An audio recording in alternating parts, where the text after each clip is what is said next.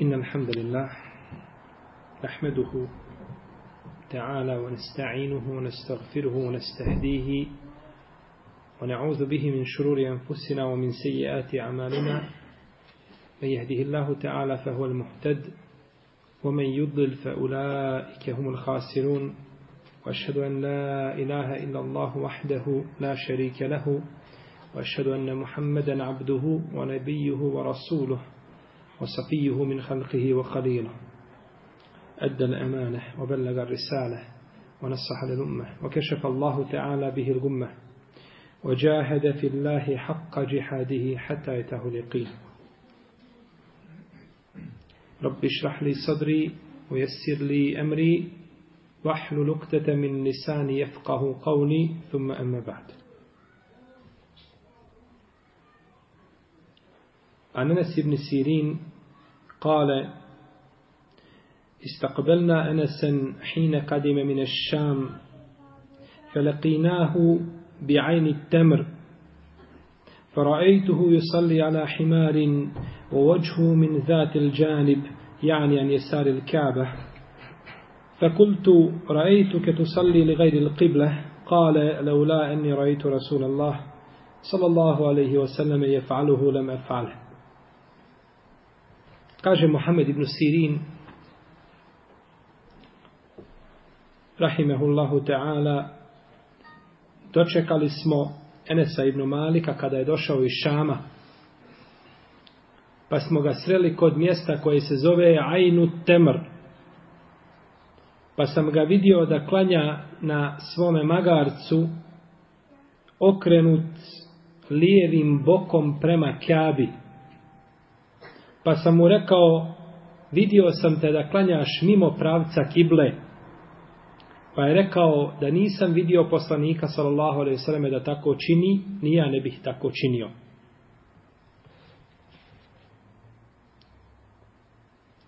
Autor je spomenuo ovaj hadis treći u poglavlju okretanja prema kibli. Spominjali smo prvi hadis i drugi i ovo je treći. U prvom hadisu je hadis Ibn Omara, ako se sjećate, u kome kaže Ibn Omar, klanjao je poslanik sallallahu alaihi vseleme na file na svojoj jahalici dok je bio na putu. Kod god da se okrenula jahalica. Pa i ovome hadisu spominje šta? Klanjanje mimo pravca kible. Ali u drugom hadisu je autor spomenuo promjenu hadisu kome se spominje šta? Promjena kible iz pravca Šama u pravac Meke. Zar nije bilo preče da se ovaj hadis spomene nakon hadisa Ibn Omara? Zato što jedan i drugi govore o čemu? O namazu putnika na jahalici mimo pravca Pa je bilo preče da ova dva hadisa dođu jedan do drugog i da nakon toga dođe treći hadis koji govori o čemu? Promjeni kible, je tako? To je bilo preče, znači taj bi poredak bio, taj bi poredak bio precizniji. Enes ibn Sirin, koji je bio uz Enesa ibn Malika, njegov sluga, njegov stalni pratilac, rođen je zadnje godine Osmanovog hilafeta,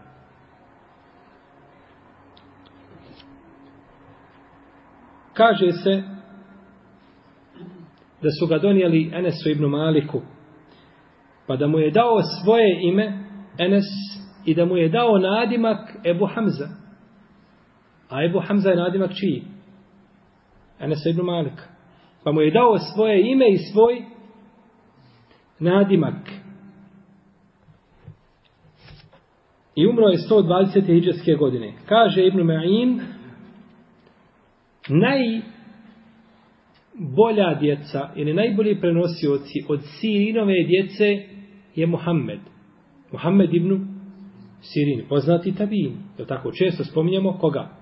Muhammeda ibn Sirina. Znači, njega često spominjemo i on je naj ovaj pouzdaniji od Sirinove djece. Potom dolazi Enes ibn Sirin, kaže Jahja ibn Ma'in, poznati učenjak za njega, la ba'se bihi. Kada hadijski učenjaci kažu la ba'se bihi, to znači da je hadis dobar. Osim kada kaže Ibn Ma'in la ba'se bihi, on misli da je ravija vjerodostojan. To je njegova posebna terminologija koga se ti, koja se tiče koga? Jahje ibn Ma'ina. Što je njegova posebna terminologija vezana za njega, pa kada se ocjenjuju hadisi, to je neophodno poznavati da znaš na kom je stepenu šta? Određeni, na kom je stepen određeni hadis. La ba'se bihi ili lejse bihi ba'sun su dvije slične, znači dva slična izraza, iako je kod hadijskih stručnjaka jača prva sa la negacijom nego sa lejs. Dalje, Mabed ibn Sirin je sin čiji? Sirinov, brat Enesovi i Mohamedov, ali je bio, neki kažu, slab ravija, dok su drugi prihvatali njegove hadise. Potom imamo Jahja, Jahja ibn Sirin, koji je bio slab prenosioc, a neki ga isto smatruju pouzdanim. Imamo Kerime i imamo Hafsu koja je bila bolja od nje, od Kerime. To su dvije šta? Kćerke. Kerime bintu Sirin i Hafsa bintu Sirin, to su dvije kćerke. Hafsa je bila pouzdanija od koga? Od Kerime.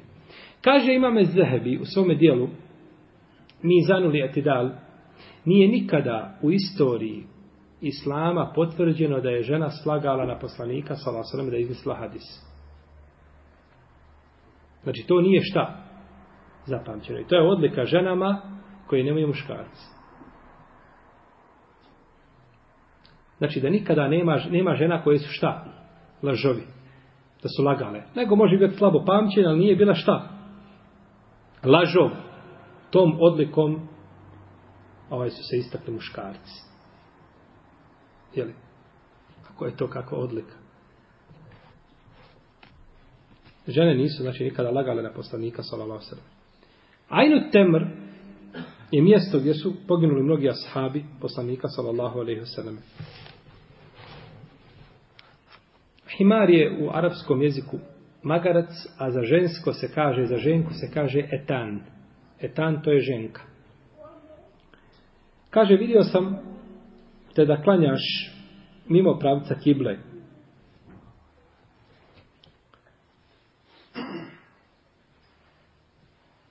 Kada ga je pitao Enes, i kada mu je rekao, vidio sam te da klanjaš mimo pravca kible, pitao ga je znači o načinu okretanja prema, odnosno način načinu okretanja u namazu, ni o čemu drugom, o načinu klanjanja i slično tome. Kaže Dare Kutni da nije potvrđeno da je poslanik sallallahu sallam ikada klanjao na magarcu da je ovo greška od nekog od ravija, što se spominje u nekim hadisima, to je, kažu, postupak koga? Enesa ibn Malika. On je to činio. I kažu da su neke ravije koje to prenose da su pogriješile. No međutim, kaže Ibn Hajar al-Skalani da bideži imam Es-Serađ u svome musnedu, a taj musned je izgubljen, da je Enes ibn Malik vidio poslanika sallallahu alejhi da klanja na na magarcu.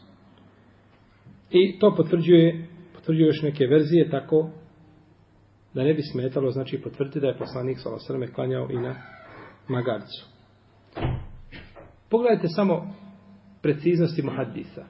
Koliko raspravljaju, kakve veze da ima da li je poslanik sallallahu klanjao na magarcu ili klanjao na na devi ili na konju i slično tome. Klanjao je na čemu na jahalici, jel tako? No međutim ne dozvoljavaju ni jedan harf da prođe, a da ga dobro ne provjere i ne prenese se njegov sunnet sallallahu sallam onakav kakav šta? Onakav kakav jeste. Pa su znači zbog jednog harpa bili spremni da oputuju na krajnji istok ili krajnji zapad da se uvjere nešto da li je potvrđeno od poslanika sallallahu alaihi selleme ili nije.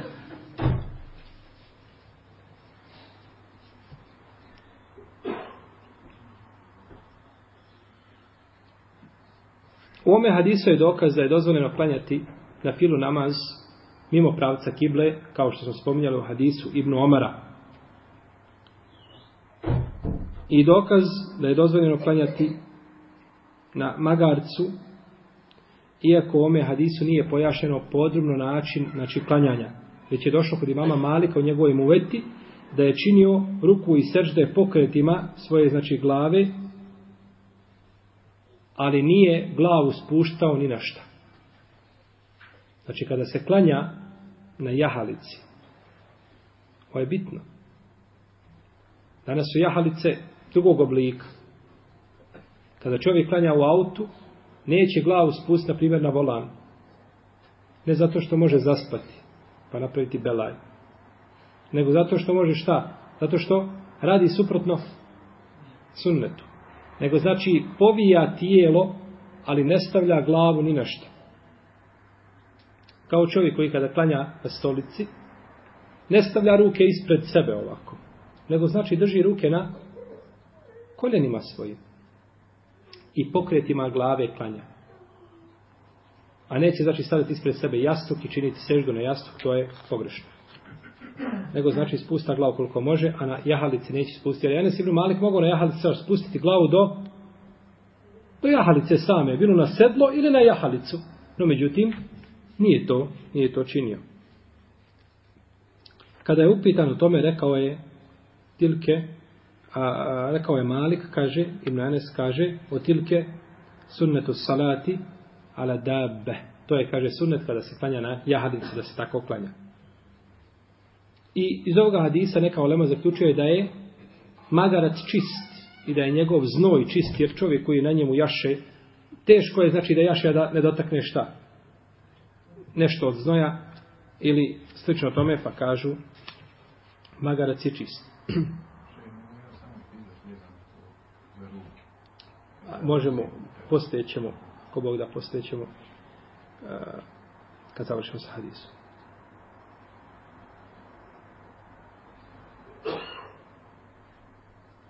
I ome hadisu je dokaz da se trebamo vraćati uvijek na postupke poslanika sallallahu alaihi wasallame i da, uz njih, da iz njih znači, uzimamo način znači, obavljanja obredoslovlja. I pogledajte ovdje kako je odgovarao Enes ibn Malik. Šta je rekao? Da nisam vidio poslanika sa osalem da to čini, ne bih ni ja to učinio. Znači, odgovorio mu je postupkom poslanika sallallahu alaihi sellem. Pa to su najljepši znači odgovori za razliku znači od toga da odgovaramo ja ne vidim u tome nikakve smetnje, šta ima loše i slično tome, nego kažemo tako je činio ko poslanik sallallahu alaihi wa alihi wa sallam.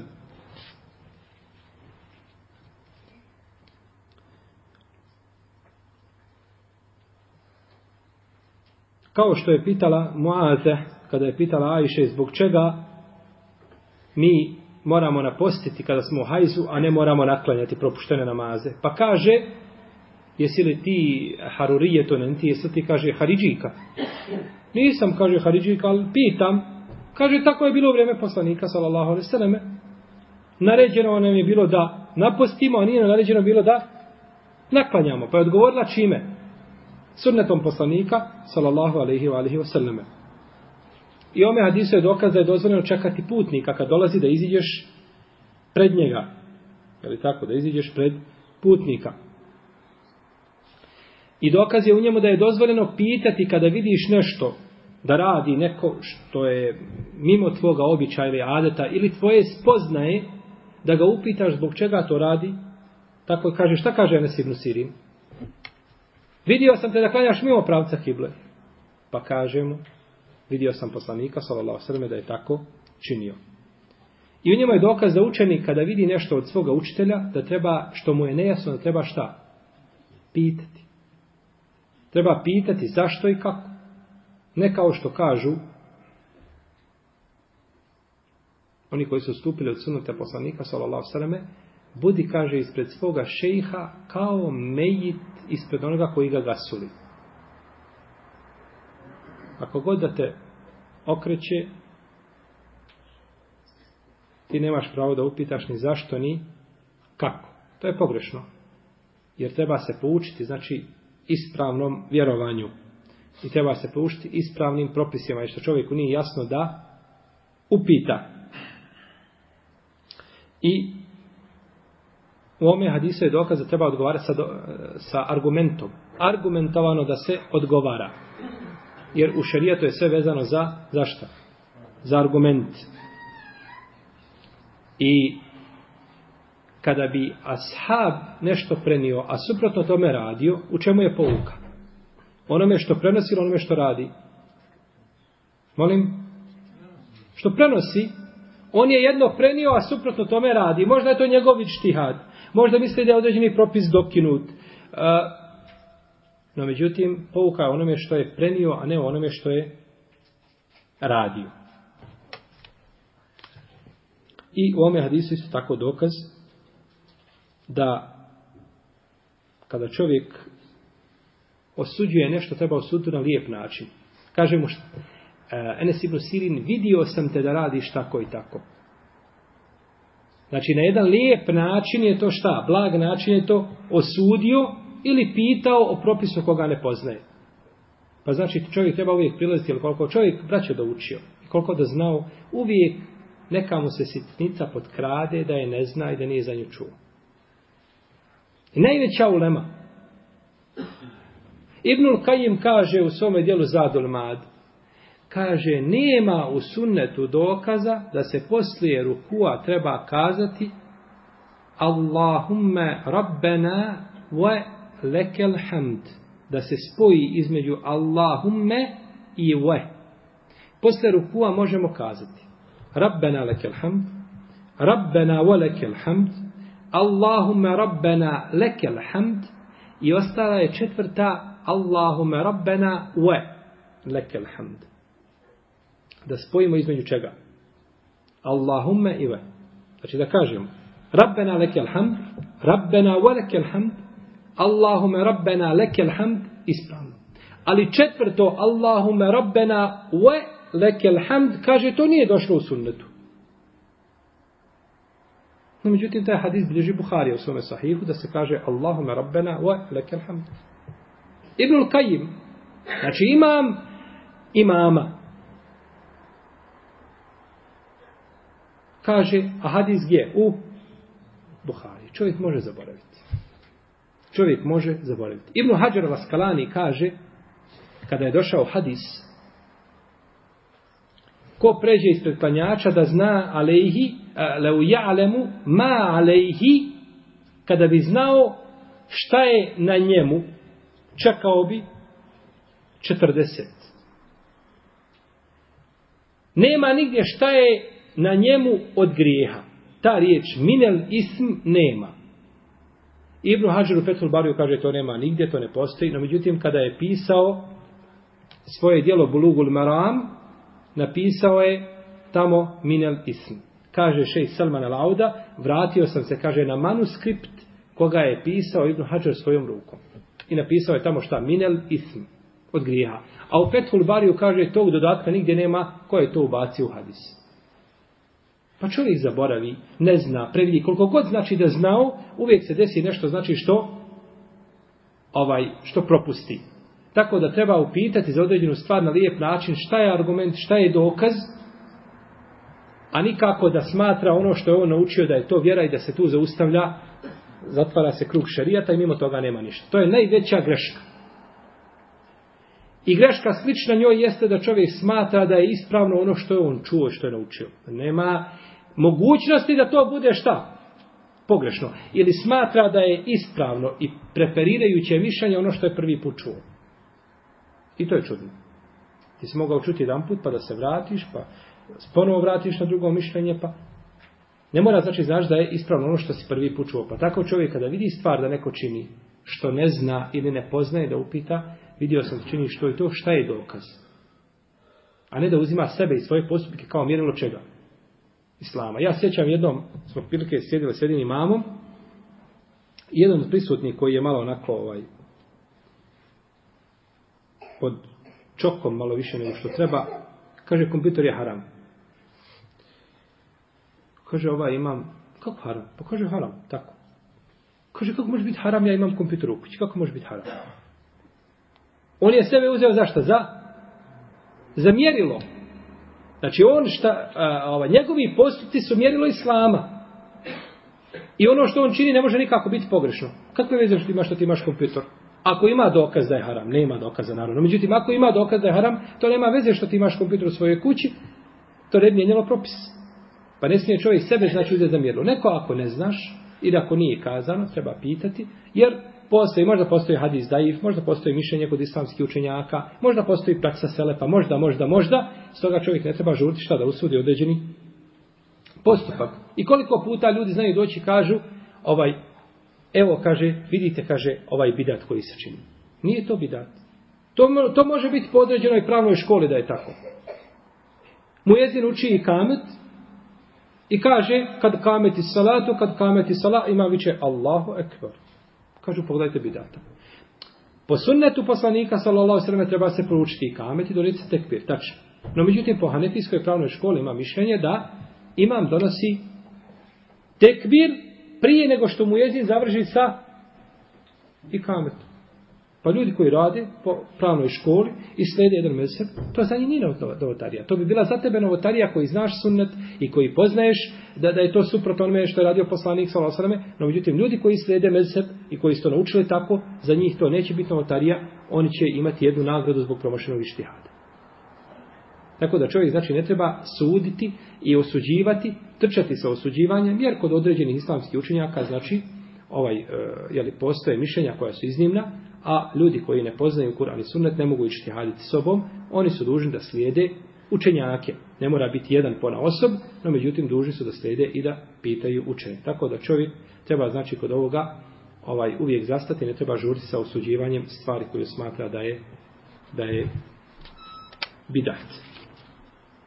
Ovim smo završili poglavlja, znači okretanja prema kibli i nakon toga nam dolazi poglavlje a, babu sofuf wa ahkamuha ili babu sufufi wa ahkamiha pa ćemo inša Allah teala govoriti o tome a, u našem narednom druženju. Morat će Allah tabar kada da nas uputi na pravi put i da nas pouči sunetu poslanika sallallahu alaihi wa sallam.